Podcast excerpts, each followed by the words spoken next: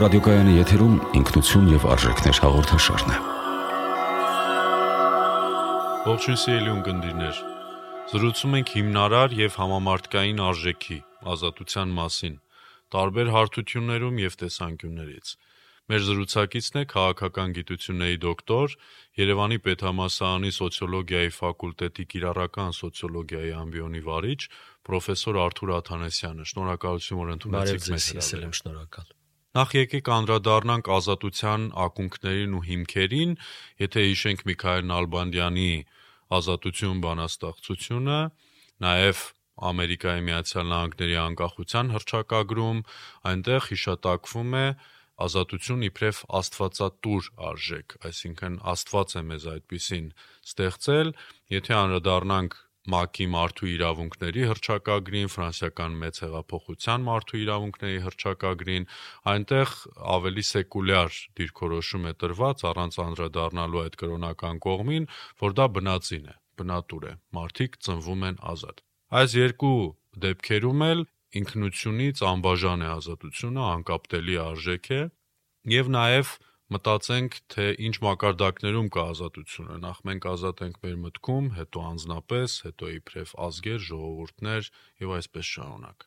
Շատ կարևոր թեմա է, շատ հավերժ թեմա է եւ ես ձեր խոսելու ընթացքում ինձ հարցնում էի եւս միլիոն երրորդ անգամ իսկ ես ազատ եմ թե ոչ եւ սովորաբար ուսանողներին ես շատ հաճախ այդ հարցը տալիս եմ իրենք սկսեն իրենց մասին մտածել, ոչ թե պատասխանեն այդ հարցին, իրենք ազատ մարդիկ են թե ոչ, եւ սովորաբար որոշ ժամանակ անց այդ մարդը գալիս եւ ասում է հիմա ես արդեն ազատ եմ եւ ես գտնում եմ, որ դա իրենց դեպքում ինքնուրույն որոշումներ ընդունելու, սեփական կարծիքով առաջնորդվելու կարողությունն է, արդյոք այդ կարողությունը անսահմանափակ է ինչպես դա ասվում է եւ փիլիսոփայության եւ սահմանադրությունների տեքստերում Երևի ոչ եւ ինձ շատ դուր է գալիս բանաձևը այն մասին, որ ազատությունը գիտակցված անհրաժեշտություն է։ Եթե դու ինքդ հասկանալով քո ոչ ազատ լինելը կարողանում ես այդ սահմաններում ինքնուրույն որոշումներ ընդունել եւ քո որոշումները իրականացնել, ապա սա այն օպտիմալ ազատությունն է, որը կարող է ունենալ մարդ, Մանավանդ որ երկրագունդը ինքը չնայած մեզ անverջ է թվում սահմանափակ հարթություն է, սահմանափակ հասկացություն է եւ չես կարող դրանից դուրս գալ չնայած դիեզերական այդ ֆանտազիան եւ տեխնոլոգիան թույլ է տալիս դա անել, բայց սա էլ սահմաններ ունի եւ իրականում ինչպես ասել է փիլիսոփաներից մեկը մենք իրական ազատությունն ունենք մեր միայն գիտակցության մեջ ֆիզիկական իրականության մեջ ազատ չենք, բայց գոյություն ունի այդպիսի մի տեսություն նույն քաղաքագիտության մեջ, որ կոչվում է կառուցվածքային ռեալիզմ, սոցիոլոգիայում այն կոչվում է ստրուկտուրալիզմ, ինչ է սա։ Սա այն մասին է, որ այն տեղը, որտեղ դու գտնվում ես, պայմանավորում է քո մտածողությունը։ Եթե դու ծնվել ես, չգիտեմ, հին Հունաստանում ստրուկների ընտանիքում, ապա դու ստրուկի պես ապրելով սկսում ես այդպես մտածել։ Կարծես վանդակում ես քո հոգին, ազատ հոգին, որը ծնվել է ազատ եւ իրեն ստիպում սովորեցնում անազատ լինել նույն Պլատոնի իդեաներն էին այդ մասին, որ եթե դու ծնվել ես անազատի գաղափարով, ապա դու չես կարող հետո դառնալ ազատ, անկամ եթե քեզ ազատություն են տալիս, դու հետ ես վերադառնում քո վանդակը։ Եկեք հարցնենք օրինակ արաբական աշխարհի կանանց, ովքեր որ տղամարդկանցից պակաս ազատ են, անազատ են համեմատած մեր հայ կանանց հետ իրենք ուզում են ազատ ապրել, այսինքն աշխատել, ինքնուրույն պահել ընտանիք, պատասխանատվություն կրել, թե իրենց ձեռնտու հարմար հաճելի է ենթարկվելով իրենց ամուսիններին ապրել որոշակի սահմանափակումների մեջ ես կարծում եմ որ ամեն դեպքում ընկալումը կլինի ավելի դրական իրենց մշակութային այդ ստրուկտուրայի կառուցվածքի մեջ, քան քրիստոնյա աշխարհում եւ սա է ստրուկտուրալիզմը ամերիկացիները ասում են you are where you sit դու այն ես որտեղ նստած ես եթե դու նստած ես նախագահի պաշտոնում դու նախագահի որոշումներ պիտի ընդունես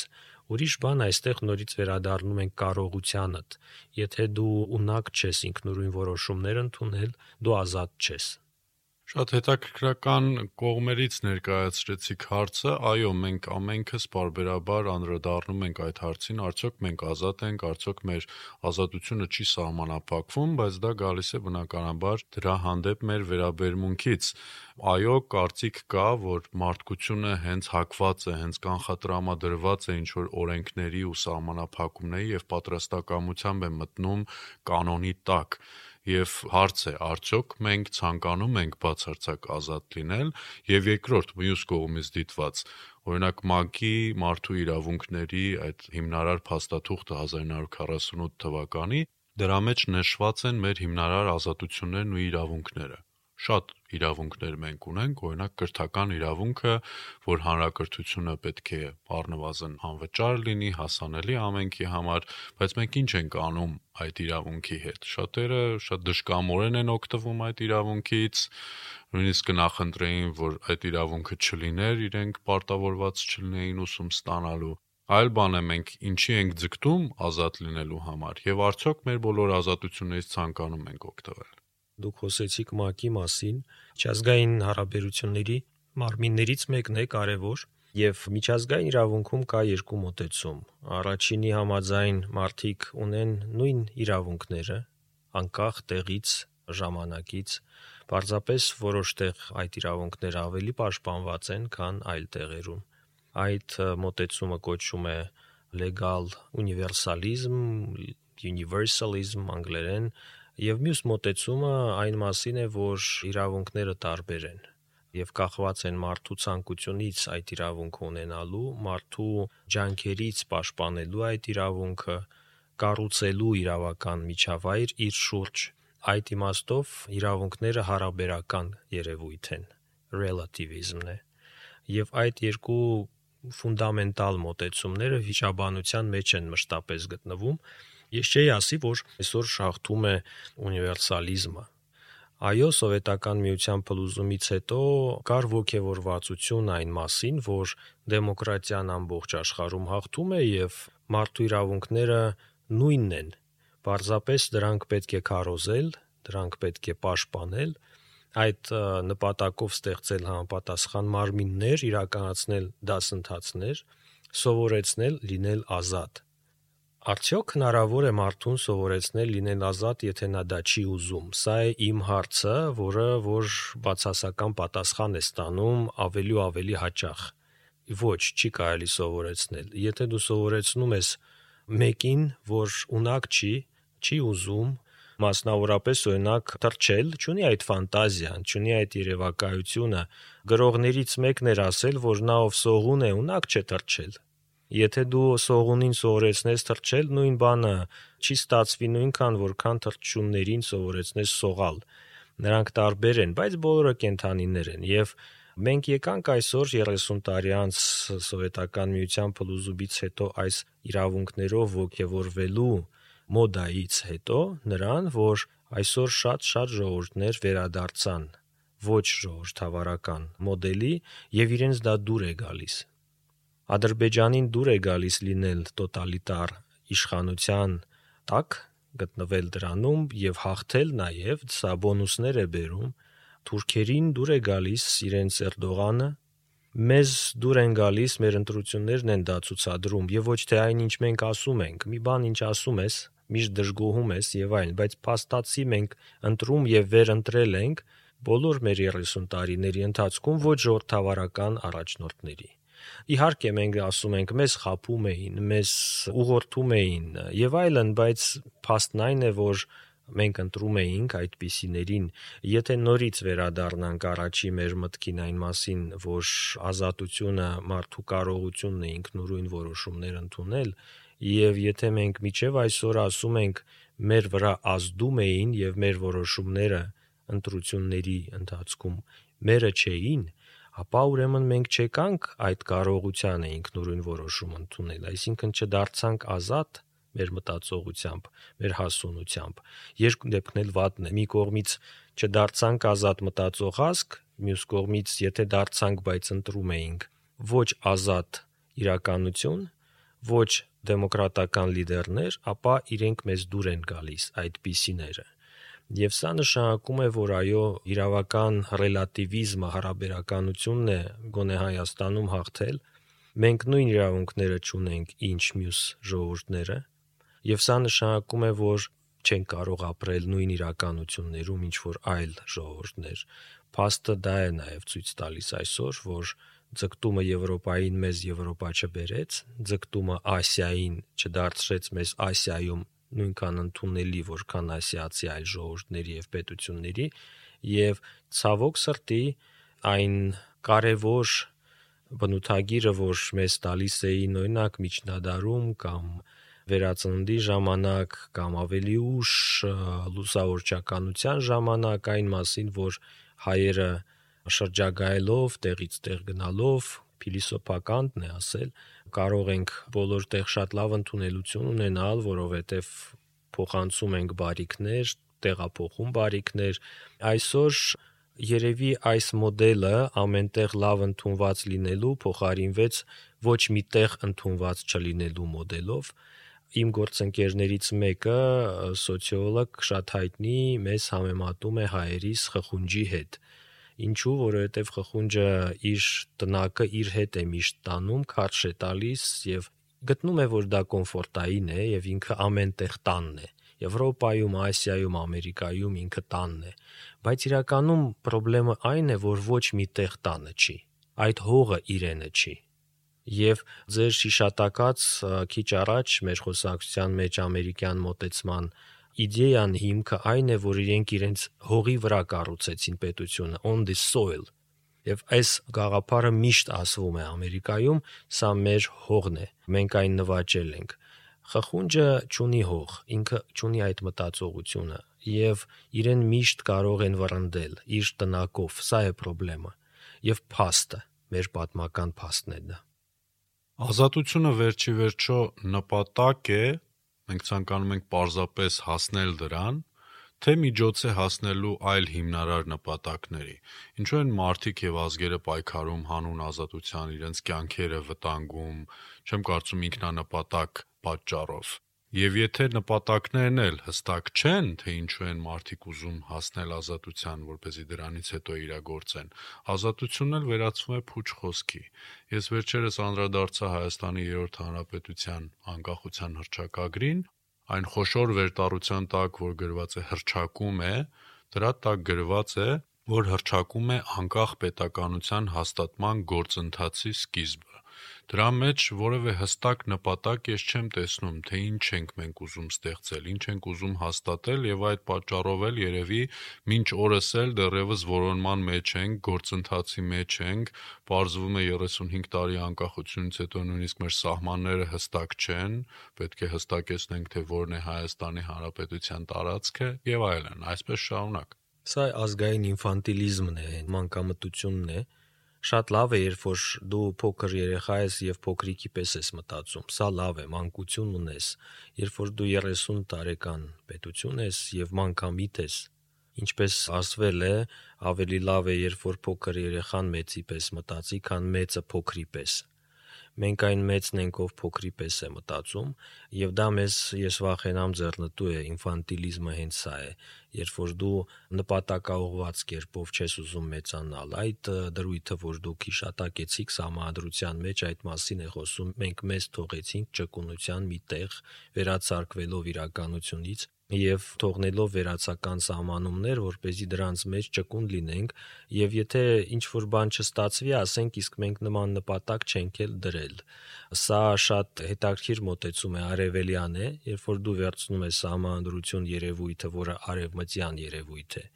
եւ դրանում փորձում ես արևելյան կերպով կողմնորոշվել, ապա այդ համադրությունը չի լինելու գործիք, որը որ ազատությանն է տանում։ Նորից մեր այդ ադապտատիվ երևի մեխանիզմը միացավ, երբ որ մենք սովետական միությունից դուրս գալով որոշեցինք, որ բոլորի պես ուզում ենք անկախ պետականություն կառուցել, սա եւս հետաքրիր ֆենոմեն է։ Իսկապես մարդիկ ուզում էին անկախ Հայաստան ունենալ, թե ուզում էին ունենալ ինչպես բոլորը մի բան, որը հետո ապագայում կլցնեին բովանդակությամբ։ Ես համոզված եմ, որ արևմտահայը, սփյուռքահայը շատ էր ուզում անկախ Հայաստան ունենալ, որովհետև իրեն սերնդեսերունդ փոխանցվել է, որ մենք ունեցել ենք երկիր, որը այլևս չկա եւ անկախ Հայաստանը այդ երկիրը վերականգնելու քայլերից մեկն է կարևոր բայց այստեղ մեր տներում ապրող մարդիկ ես հիշում եմ ինքս որպես դպրոցական պայքարում էինք դատարկ խանութների դեմ սովետական միության 80-ականների վերջում առաջացած. Մենք չէինք ուզում վատ ապրել մենք սովոր էինք լավ ապրել. մեզ մոտ վերածնվում էր ազգային մտածողությունը եւ մենք գտնում էինք որ ազգային մտածողությամբ միայն կարելի է ազգային պետության մեջ ապրել բայց ինչպիսի պետության մեջ ապրել այդ մոդելավորումը ես վախենամ ընթացքում էին ուզում իրականացնել իսկ քանի որ Արցախյան առաջի պատերազմում հաղթեցինք, պետության մոդելավորմամբ այլևս չզբաղվեցինք, որովհետև էйֆորիայի մեջ մտանք, արդեն հաղթել ենք եւ այլևս ոչ մի բանի կարիքը չունենք։ Անընդհատ հիշում եմ եւ հիմա էլ լսում եմ նույն հարցը՝ ով ենք մենք եւ որտեղ ենք գնում։ Սա արդեն ծիծաղալի չի, սա շատ վախենալի եւ տխուր է, բայց բազում-բազում հայ մտածողներ պատասխանը տվել են այդ հարցին արդյոք այդ պատասխանը դարձավ պետականության կառուցման մոդել, նժդեհականությունը փորձեցին ադապտացնել դրան, բայց նժդեհի արձանից եւ լուսանկարից առաջ չգնաց այդ մոդելավորումը եւ դա էլ է արևելյան մոտեցում. տարվել սիմվոլիկայով եւ չգնալ դեպի ֆունկցիոնալությունը գործառնականությունը, կոնկրետ աշխատանքը։ Գիտեք, այդ հարցն է առաջանում, որ մենք մեզ պիտի տանք։ Մենք որ տիպի իրավունքներն ենք ուզում, որոնք ենթադրում են պատասխանատվություն, թե զուտ սիմվոլիկ նշանակություն ունեն, երբ որ դու ասում ես ես ազատ եմ, բայց իրականում ազատ չես, եւ դա գիտակցելով լավ ես քեզ զգում Սա էլ է խնդրեմ։ Մենք այն սողունն ենք, որը որ այո աշխարհում պիտի լինի, թե թրջունն ենք, որը պիտի թրջի, ունենա իր իրավակայությունը, ունենա իր մտքի թռիչքը առաջի հերթին, հետո իրականության մեջ թռիչքը։ Այո, տարբեր ազգեր տարբեր բաներ են ստեղծել եւ այդ ստեղծելը իրենց մտքի դրսեւորում էր նորից ըստ Պլատոնի ով ասել է իդեան մենք ենք իրականացնում այն սկզբունքով որով որ ինքներս այդ իդեայի մի մասն ենք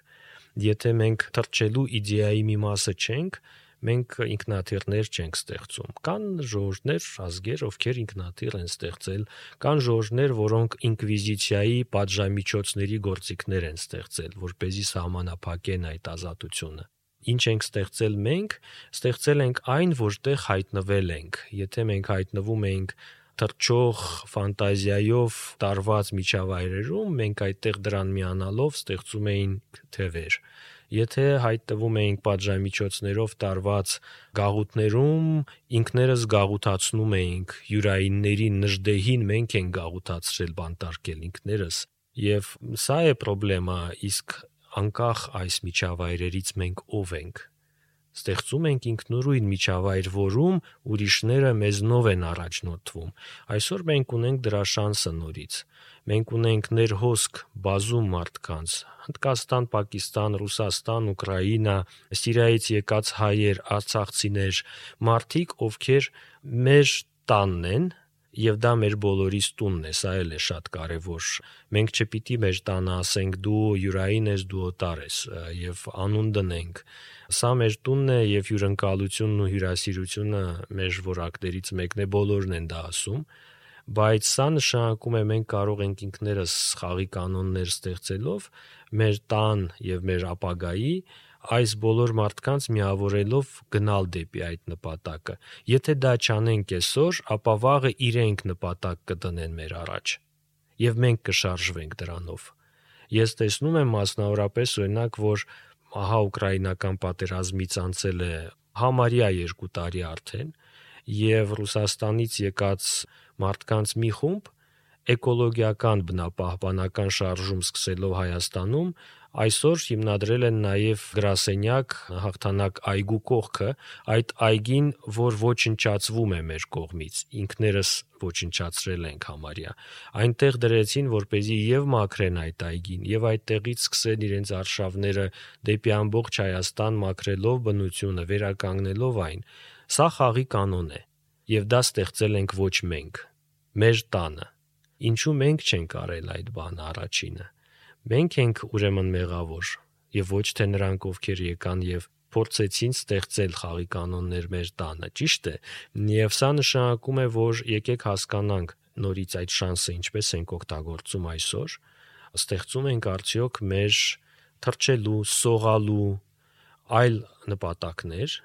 եւ արդյոք դրանք զուտ սիմվոլիկ չեն ինչպես նախկինում, այլ իսկապես ֆունկցիոնալ են, իսկապես յուրաքանչյուրս հասկանում եւ ուզում է դրա մեջ մտնել։ Այս է ազատության դրսևորումը։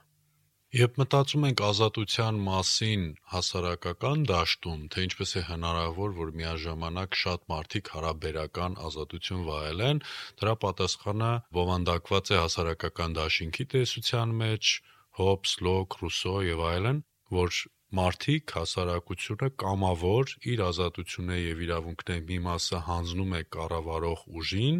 այն պայմանով, որ ամենքը հավասար լինեն օրենքի առջև եւ նաեւ դրա հետ մեկտեղ գալիս է քաղաքացիական անհնազանդության իրավունքը եւ պարտավորությունը, ոչ միայն իրավունքը, այսինքն մարդը ոչ միայն իրավունք ունի, այլև պարտավոր է ընդվզել նման իշխանության դեմ, եթե հանգում է այն դեսպոտիզմի կամ անօրինության։ Մենք մեր զրույցի սկզբում խոսում էինք այն մասին, որ 90-ականներին տարվելով մարդու իրավունքների եւ հավասարության, հավասար իրավունքների մոդայով, այսինքն իրավական համապարփակությամբ, universalism-ով մենք սովորեցնում էինք, որ մարդուն իրավունքներ։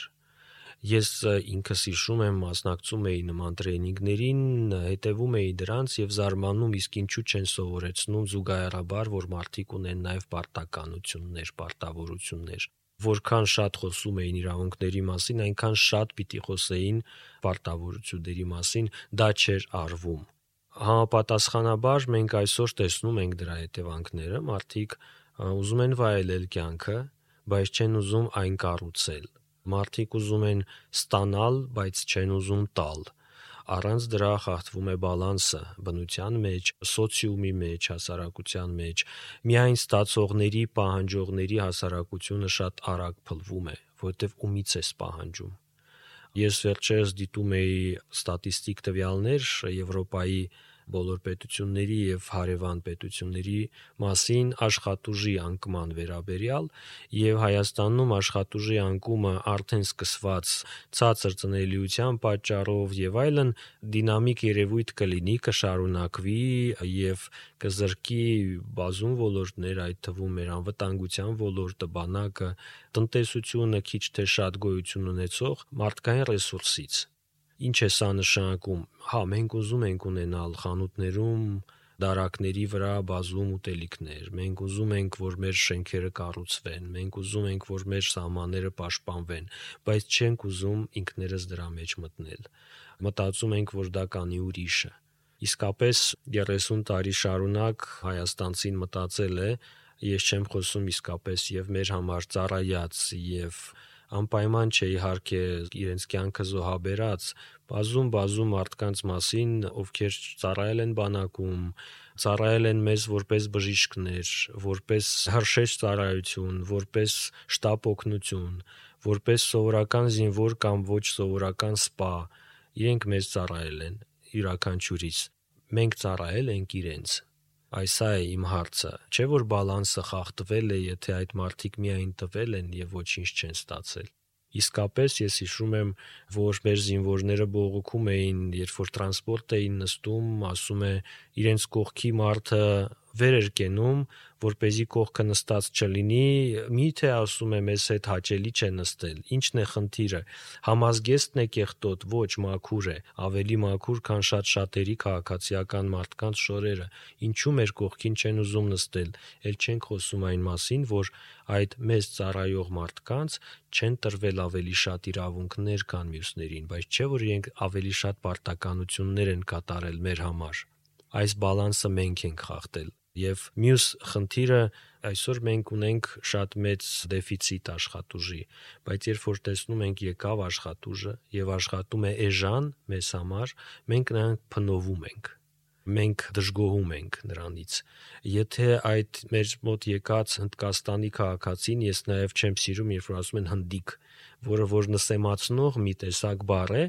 ես հիշում եմ 90-ականների սկզբին Ռուսաստաններում հոգնակիով եմ ասում, որովհետև ԱՊՀ պետություններում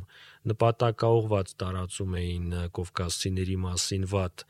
ասույթներ, այսօր մենք ենք տարածում մեր մոտ եկածների մասին վատ ասույթներ երբ որ հնդիկը լուր է, ասում ենք սրանք անգրագետ են։ Երբ որ խոսում է, ասում ենք սրանք բարձր են խոսում։ Երբ որ շատ պարկեշտ է, ասում ենք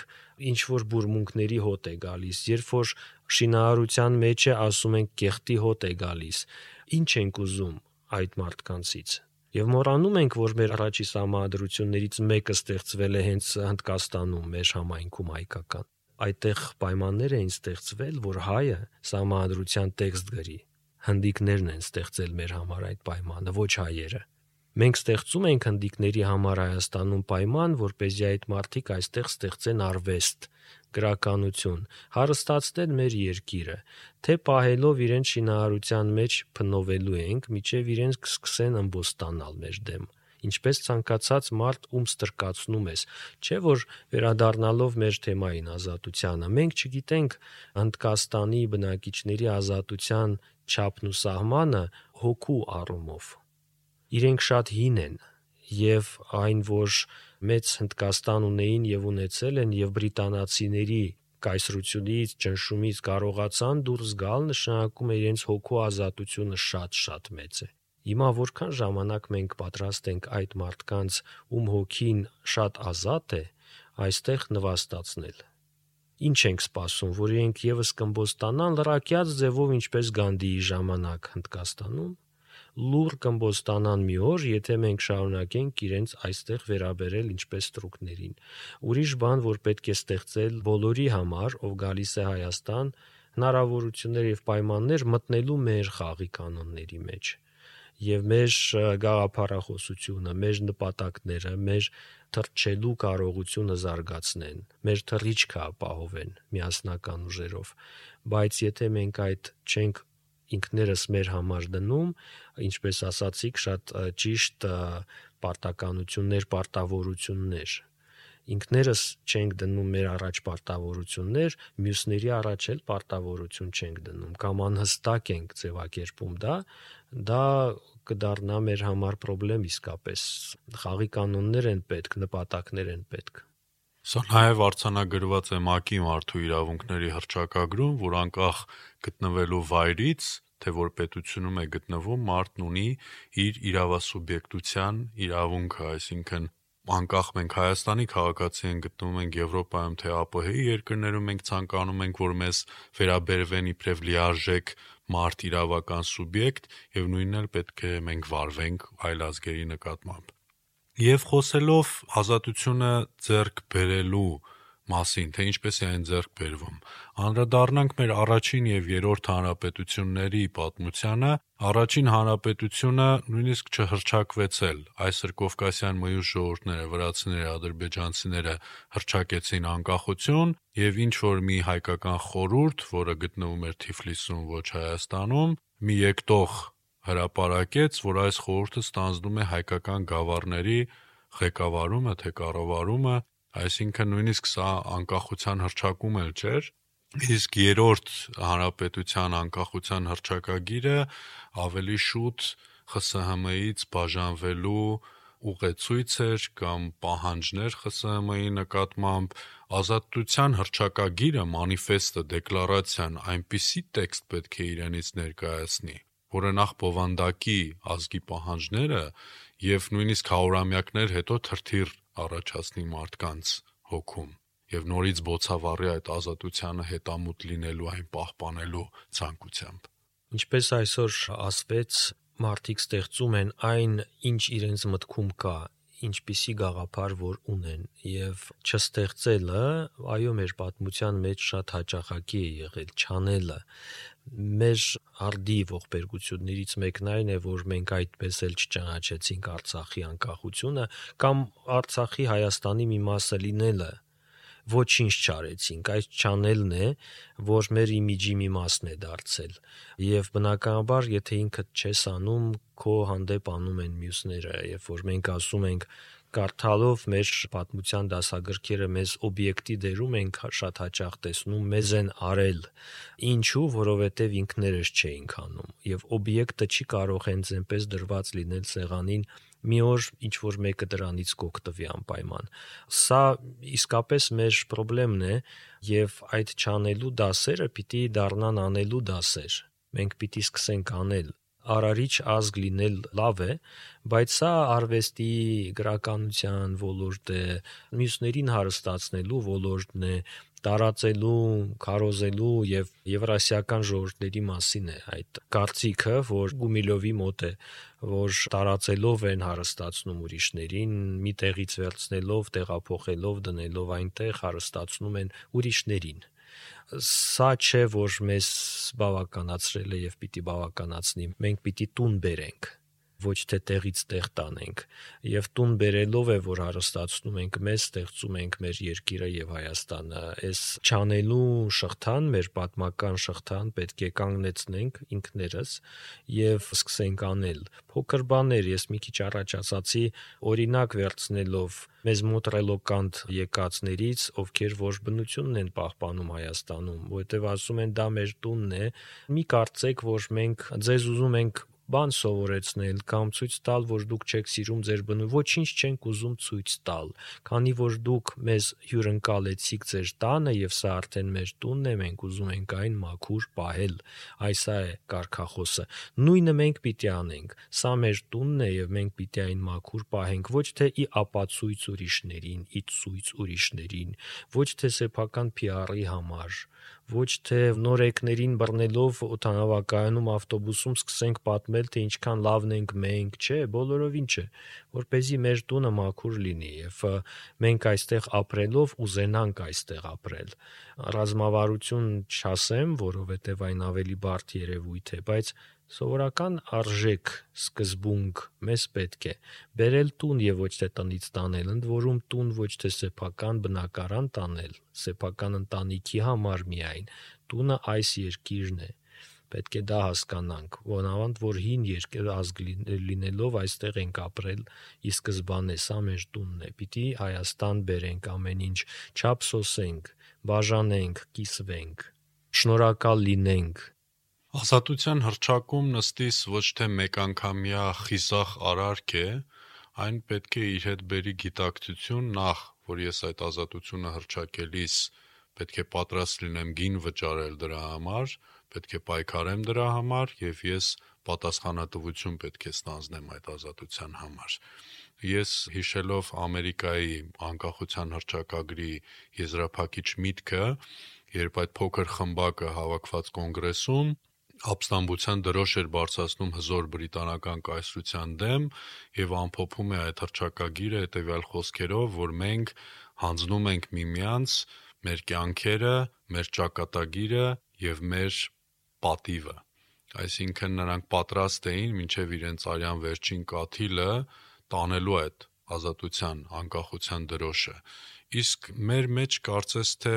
այս երեք գործոններն էլ կամ մեռուկացել են կամ ստերջացել են մեր մեջ այդ պայքարի ոգին, ինչպես ասացինք, առաջին երրորդ հանրապետությունները պարզապես երկնքից ընկան մեր գլխին, մենք չպայքարեցինք դրանց համար եւ միջնադարում էլ արդեն այդ պայքարի ոգին մեր մեջ մարել էր արաբական տիրապետության շրջանում 3 հզոր ապստամբություն ունեցանք ազգովի, բայց քանի միասնական ապստամբություն ունեցանք օրինակ Օսմանյան Թուրքիայի տիրապետության շրջանում ընկերներիցս մեկը շատ լավ մասնագետ, ազգագրագետ, բեղել է միջնադարյան մի գրառում արաբերեն լեզվով այն մասին, թե ինչպիսին են արաբական աշխարհում ապրող ժողովուրդները, հայերի մասին գրված է, որ իրենք շատ լավ զինվորականներ են, բայց շատ վատ առևտրականներ, որովհետև խապել չգիտեն։ Ինձ համար դա հաճելի է լսել եւ ես կուզեի, որ մենք լինենք այն ազգը, ով խապել չգիտի։ որովհետև եթե խապել չգիտես, գիտես ազնիվ լինել։ Եթե ազնիվ ես, ապա անկեղծ ես եւ անշահախնդիր ես։ Եթե անշահախնդիր ես, ապա ինչ անում ես հանրօգուտ է։ Եվ եթե հանրօգուտ է, ապա յուրաքանչյուրիս արածը օգնում է բոլորիս, ուժեղացնում է բոլորիս։ Սկսենք չխապել։ Ինքներս մեզ առաջի հերթին չխապել,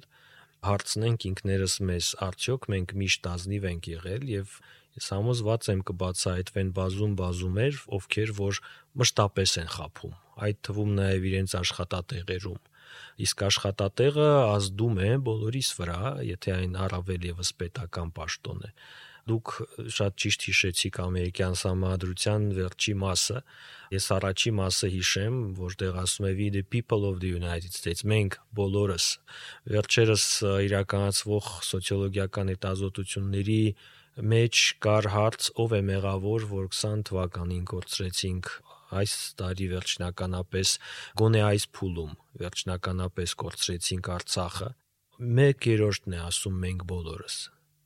մյուսները միմյանց վրա են մեղքը գցում, գիտեք, եւ եթե մենք բոլորս չմտնենք այդ խաղի մեջ, ինչպես ամերիկացիները մտան, երբ որ ստեղծում էին Ամերիկան, այդ համանդրության տակ ստորագրվեցին արյունով եւ որոշեցին, որ յուրաքանչյուրը մյուսին հետևելով, մյուսին վերահսկելով այդպիսին է Ամերիկան։ Երբ որ հատում է սահման, առաջինը ինչ զգում ես քո հանդեպ վերահսկողություն բայց սա չի նշանակում, որ քեզ ուրախ չեն տեսնելու այնտեղ։ Սա մոդել է, իրենք քեզ վերահսկում են, իսկ դու պիտի վերահսկես նրանց։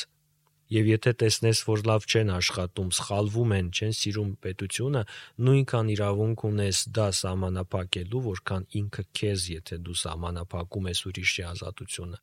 Օրինակ հարցումներից մեկը, որ իրականացրել ենք մեր երիտասարդների հետ, Եվրոպայի վերաբերյալ ինչ են մտածում Եվրոպայի մասին։ Մեր երիտասարդները Եվրոպայի մասին մտածում են որպես սպառման օբյեկտի, օգտվելու հնարավորության։ Իրենք ասում են լավ կրթություն, լավ աշխատատեղ, գեղեցիկ քաղաքներ, ազատություն։ Որևէ մեկ չի ասում ես ուզում եմ Եվրոպա գնալ այն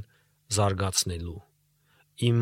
առողջությունը նվիրելու, իմ ջանքերը միգուցե նվիրում են, բայց այդ նպատակով չեն գնում ինչով լցնում ես այն ափսեն, այդ դա է լինելու քո ճաշը։ Եվ եթե լցնում ես ափսետ օկտապաշտական մտքերով, մեղքերով, ստով, ապա դա ուտելու ես։ Եվ Հայաստանում դա անելով ցավոք սպառում ենք վատը այսօր, հա խանութներում շատ լավ է ամեն ինչ, բայց իրականում մեր հոգիներում ամեն ինչ շատ-շատ մութ է, շատ-շատ տխուր եւ միգուցե այդ տխրությունն է, որ փորձում ենք կերակրել նյութական արժեքներով, քրիստոնեությունը դա շատ լավ բացատրել է եւ շատ վաղուց բայց մենք շարունակում ենք այդ մեղքերով տարվել եւ ապրել եւ մեր հոգու դատարկությունն է որ փորձում ենք նյութով լցնել այսօր Շնորհակալ եմ զրույցի համար, այս վիթխարի թեմայի մասին կարողացանք գետ մի փոքր խորհրդացել եւ կարող ենք հետեւյալ падգամը թողնել մեր ունկնդիրներին, որ հիշեն ազատության համար շա, ստանձնած շարունակական պատասխանատվության մասին։ Մեր երրորդ հանրապետությունը մեկ անգամ չհրճակվել, դա պատմական ուղակի անցյալին չի պատկանում, մենք ամեն օր պետք է նորից հրճակենք եւ նորից ստանձնենք այդ ազատության համար պատասխանատվությունը։ Մնացեք խաղաղությամբ։